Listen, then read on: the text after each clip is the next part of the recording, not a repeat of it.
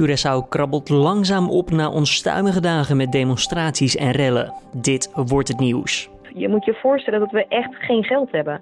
Dus we, hebben, we hadden een economie wat breid op toerisme. We hadden deels raffinaderij. Uh, natuurlijk hebben we veel trustkantoren en zo, maar dat is niet per se geld wat op het eiland blijft. Dus er komt letterlijk geen gulden meer binnen, zo'n beetje. Zometeen praat ik verder met José de Bruin van Dolfijn FM over de situatie op het eiland. Zo lezen we over de inzet van Nederlandse militairen. Maar wat merk je daar eigenlijk op het eiland van? Maar eerst kort het belangrijkste nieuws van nu. Mijn naam is Julian Dom en het is vandaag maandagmiddag 29 juni. Twee tieners van 13 en 14 jaar oud zijn schuldig verklaard aan het veroorzaken van de fatale flatbrand in Arnhem afgelopen jaarwisseling. Ze krijgen geen straf opgelegd omdat er van opzet geen sprake was, zo heeft de rechtbank in Arnhem besloten. Het tweetal stak vuurwerk af in de hal van een flat en twee bankstellen die daar waren achtergelaten door een bewoner vatten vervolgens vlam. De Raad voor Kinderbescherming heeft geadviseerd geen straf op te leggen omdat ze de gevolgen van hun actie niet hadden kunnen overzien. Bij het drama kwam een vader en zijn vierjarige zoon door rookontwikkeling om het leven. Een moeder en dochter raakten zwaar gewond. Voormalig atleet Rolf B. en zijn jeugdvriend Gertjan N. hebben maandag vijf jaar cel opgelegd gekregen voor dealen van drugs op het Hongaarse muziekfestival Siget. Het duo werd zomer vorig jaar opgepakt met grote hoeveelheden drugs in bezit, waaronder 2700 ecstasy-pillen. De straf van de rechtbank valt enkele jaren lager uit dan wat het Hongaarse OM had geëist. Het is dan ook mogelijk dat het OM in hoger beroep zal gaan. De 37 mensen die gisteren zijn aangehouden tijdens de vooraf verboden anti-lockdown-demonstratie op het Malieveld in Den Haag zijn weer vrijgelaten. Het merendeel heeft een proces verbaal gekregen voor het niet opvolgen van een noodbevel van waarnemend burgemeester Johan Remkes. De demonstranten wilden protesteren tegen de coronamaatregelen die door het kabinet zijn ingesteld. Wereldkampioen Lewis Hamilton en Valtteri Bottas rijden dit Formule 1 seizoen in een overwegend zwart gekleurde auto. Mercedes heeft maandag de nieuwe kleurstelling gepresenteerd als statement tegen racisme. Het team wil tonen dat het tegen elke vorm van racisme en discriminatie is. Verder is het ook een publieke toezegging dat er meer gedaan zal worden om de diversiteit binnen het team en binnen de autosport te verbeteren. Hamilton, de eerste en vooralsnog enige zwarte coureur in de Formule 1, spreekt zich al weken fel uit in het racisme-debat. Tweede Kamerleden Henk Krol en Femke Merel van Koten slaan de handen ineen met Eerste Kamerleden Henk Otte en Jeroen de Vries. Dat maken de politici maandag in de Telegraaf bekend. Krol wordt lijsttrekker van de partij en Otte de voorzitter. De vier gaan verder als de Partij voor de Toekomst. Volgens Otte is het idee achter de fusie dat de kiezer niet zit te wachten op allerlei splinterpartijen. In mei vertrok Krol bij zijn partij 50PLUS na ruzie. Otte verliet Forum voor Democratie na ruzie met partijleider Thierry Baudet, waarna De Vries hem volgde. Snijder, de biografie van Wesley Snijder die onlangs verscheen, wordt massaal illegaal gedeeld op het internet. Dat bevestigt een woordvoerder van uitgeverij Inside maandag. Hoe vaak het boek illegaal online is gedeeld is niet bekend. Maar ondanks die illegale verspreiding wordt het ook goed verkocht, zo zegt een woordvoerder van de uitgeverij. Zo is bekend geworden dat er ook een tweede druk volgt. De oud-voetballer is openhartig in zijn biografie. Zo vertelt hij in een hoofdstuk over zijn relatie met Jolante Cabau. Dat boek dat geschreven werd door Kees Jansma kwam uit op 26 juni. Dan naar Curaçao. Het eiland heeft een aantal extreem zware dagen achter zich. Beelden van demonstraties, rellen en brandstichtingen gingen de wereld over. De regering zette vervolgens een avondklok in, maar kon daarmee geen verdere ongeregeldheden voorkomen. Inmiddels zijn ook Nederlandse militairen ingezet op het eiland. Aan de telefoon vanuit Curaçao, José de Bruin van Dolfijn FM. José, als ik dit rijtje zo opnoem, ehm, ja, dan denk ik eigenlijk niet heel snel aan Curaçao, maar toch is dat nu wel het geval. Kun je misschien uitleggen waar die onvrede vandaan komt? Ja, natuurlijk. Eigenlijk is het best wel logisch. Want stel je nou voor, ze zeggen tegen jou, Julian, alles leuk en aardig. Maar we gaan 12,5% van je loon gaan we innemen. Want dat is een eis van Nederland. En je hebt eigenlijk al vrijwel niks te besteden ja, dat is de, in de kern waar de onvrede vandaan kwam. Mensen worden gekort op hun eigen loon en uh, ja, zijn daar heel erg boos over. Het geld moet natuurlijk ergens vandaan komen. Zeker nu er geen toerisme is op het eiland gezien de coronasituatie. Ja, zien de mensen dit niet als een tijdelijke situatie waarvan ze denken eventjes door ja, het stof heen bijten en daarna zien we wel weer verder? Nou ja, was het maar zo. Kijk, er zijn heel veel mensen op Curaçao die uh, moesten echt rondkomen van het toerisme. Of die hadden een baantje in de schoonmaak. Of hè, werken in dit geval als vuilnisman bijvoorbeeld. En zijn gewend om met het minimale wat ze binnenkrijgen, uh, daarmee rond te komen. En dan moeten ze eigenlijk al bijvoorbeeld naar de buurvrouw toe of naar de buurt. Uh, om te vragen van, hey, heb je nog wat over? En mensen redden zich in die kleine community, redden zich wel. Maar ja, in dit geval is het echt te veel als je al de eindjes niet eigenlijk aan elkaar kan knopen en zo afhankelijk bent van alles, dan is dit gewoon een klap te veel. En we hebben al best wel veel geïncasseerd en best wel veel moeten slikken. Maar dit is net een stap te ver. Vandaar, vandaar ook die onvrede die er nu is. Zijn de demonstranten zelf met een andere oplossing gekomen? Want ja, de, de, de, regering die wordt voor het blok gezet. Nederland zegt of dit of niet. Hebben de demonstranten een andere oplossing? Nee, behalve dat de regering moet opstappen. En dat maakt de situatie ook ontzettend ingewikkeld. Want Kijk, de regering zegt we staan met de rug tegen de muur, want we hebben gewoon geld nodig en daarvoor moeten we aan die voorwaarden voldoen van Nederland. Anders krijgen we helemaal geen steun meer.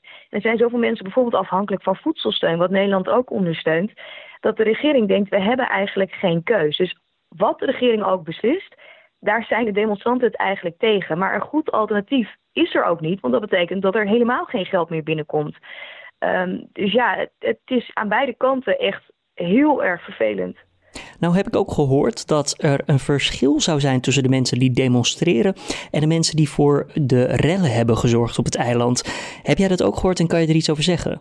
Ja, dat heb ik ook gehoord. Dat zag je trouwens ook wel op de beelden. Je uh, had in eerste instantie een hele groep met ontevreden Celicor-medewerkers. Celicor is onze vuilverwerkingsdienst. Die hebben in de ochtend horen gekregen: oké jongens, er moeten veel mensen uit en er moet ook nog eens een keer bezuinigd worden op salaris. Dus deze mensen waren ontevreden. Nou heb je ook de Isla-raffinaderij. Daarvan wisten we eigenlijk al wel dat daar ook veel ontslagen zouden vallen. Maar dat kwam ineens ook in een stroomversnelling terecht. Dus ook die mensen waren ontevreden. En je had nog een groepje met jongeren, wat eigenlijk al sinds een week al aan het protesteren is met bijvoorbeeld het afzetten van de Julianabrug. Waarin ze zeggen, hey, dit is niet oké, onze regering maakt verkeerde beslissingen. Dus onder leiding van dat groepje jongeren is zeg maar Celicor gaan demonstreren of een deel daarvan. En zijn islammedewerkers een deel daarvan gaan demonstreren. Nou, zij liepen over straat en eigenlijk ging het toen nog best wel rustig. Maar zodra ze in Forti, dus zeg maar het regeringsgebouw kwamen, toen liep het echt supersnel uit de hand. En toen kwamen ook veel meer mensen, veel meer jongeren sloten zich aan. Uh, ja, echt heel veel um, ja, minderjarigen die inderdaad daar niet zozeer waren om hun stem volgens mij hoorbaar te maken, maar veel meer gingen om echt te rellen. En daarvan zeggen ook de vakbonden, dit kan gewoon echt niet. Wat daar is gebeurd, dat gaat echt alle perken te buiten. Ja, vervolgens zijn ook de Nederlandse militairen ingezet op het eiland om de rust te, te, te behouden daar. Hoe, hoe aanwezig zijn deze soldaten? Nou, ik heb ze nog niet gezien. nee, ik ben er toch erg goed uh, in het spotten.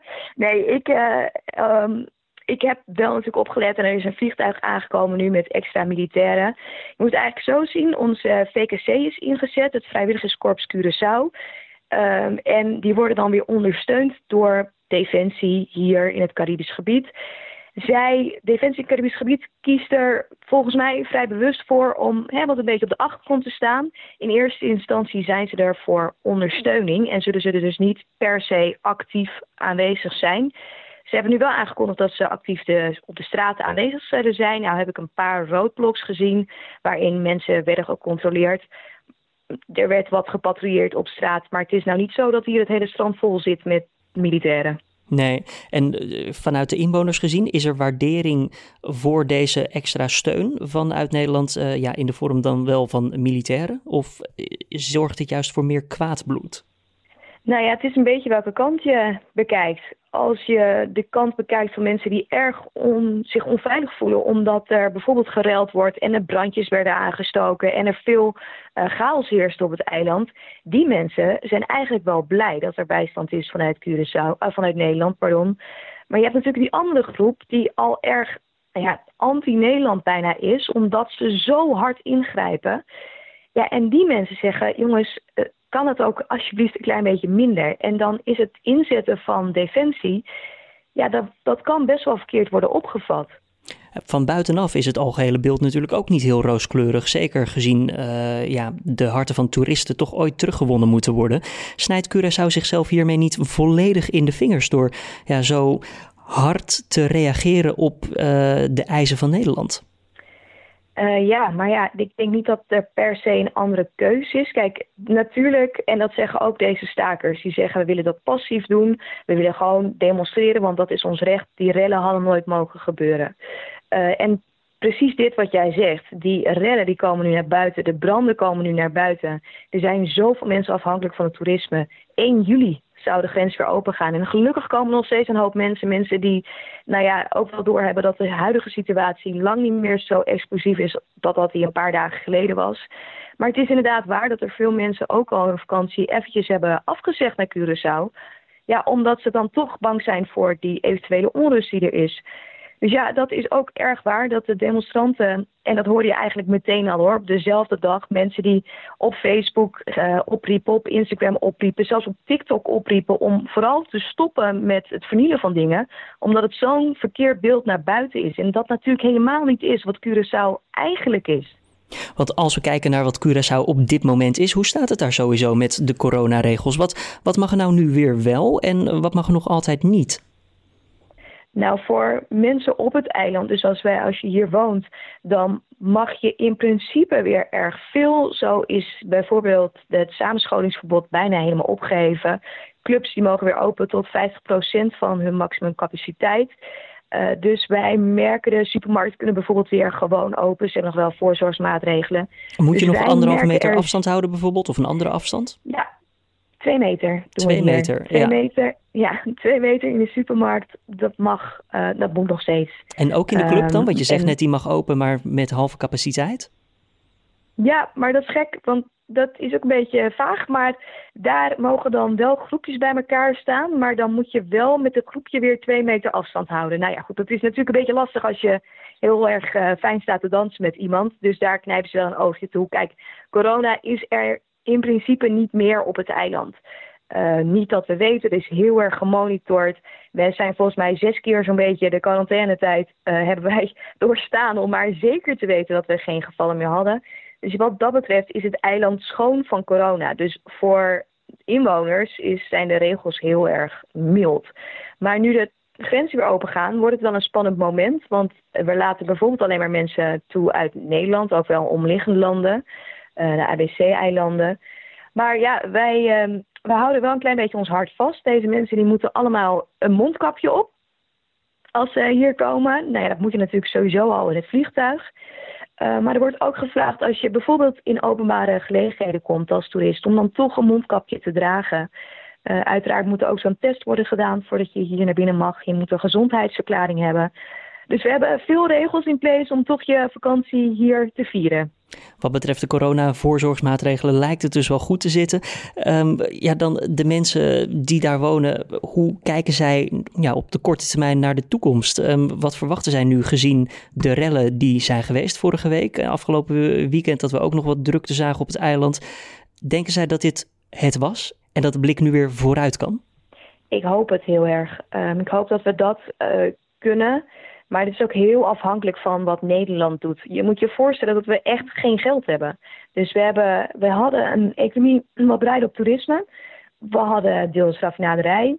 Uh, natuurlijk hebben we veel trustkantoren en zo, maar dat is niet per se geld dat op het eiland blijft. Dus er komt letterlijk geen gulden meer binnen, zo'n beetje. Uh, dus we zijn daar heel erg van afhankelijk. Maar ook heel erg van afhankelijk van wat Nederland gaat doen. Er komt straks een tranche 3, als het goed is. Dat is een tranche met extra geld. En daarvoor stelt Nederland dus deze keiharde voorwaarden. Dus ik denk dat het afhankelijk is van wat Nederland doet en hoe onze regering daarop gaat reageren. Uh, ja, hoe de situatie hier zich verder gaat ontwikkelen. Die situatie zullen we nauwlettend in de gaten houden. Dankjewel José de Bruin van Dolfijn FM voor je toelichting. Dan het weer. Het was een middag met veel wind en soms ook een bui. De bewolking die neemt s'avonds verder toe met s'nachts pas weer tijd voor enkele opklaringen. En de kans op buien die blijft bovengemiddeld. De temperatuur zakt naar zo'n 14 graden, waarna we morgen meer van hetzelfde kunnen verwachten. En het programma Zomergasten heeft de eerste gast van dit seizoen bekendgemaakt. Het wordt Typhoon. Dat maakt de VPRO vandaag bekend. De artiest noemt het geweldig dat hij een avond televisie mag vullen met inspiratie, zijn hartezaken en liefde. Zomergasten, dit jaar wederom gepresenteerd door Janine Abbring, is te zien vanaf zondag 19 juli op NPO 2. En dit was dan de Dit wordt het nieuws podcast voor deze maandag 29 juni. Tips of feedback zijn welkom. Die kan je naar ons toesturen via podcastapenstaartje.nu.nl. Dan wens ik je voor nu een hele fijne middag en tot morgenochtend weer.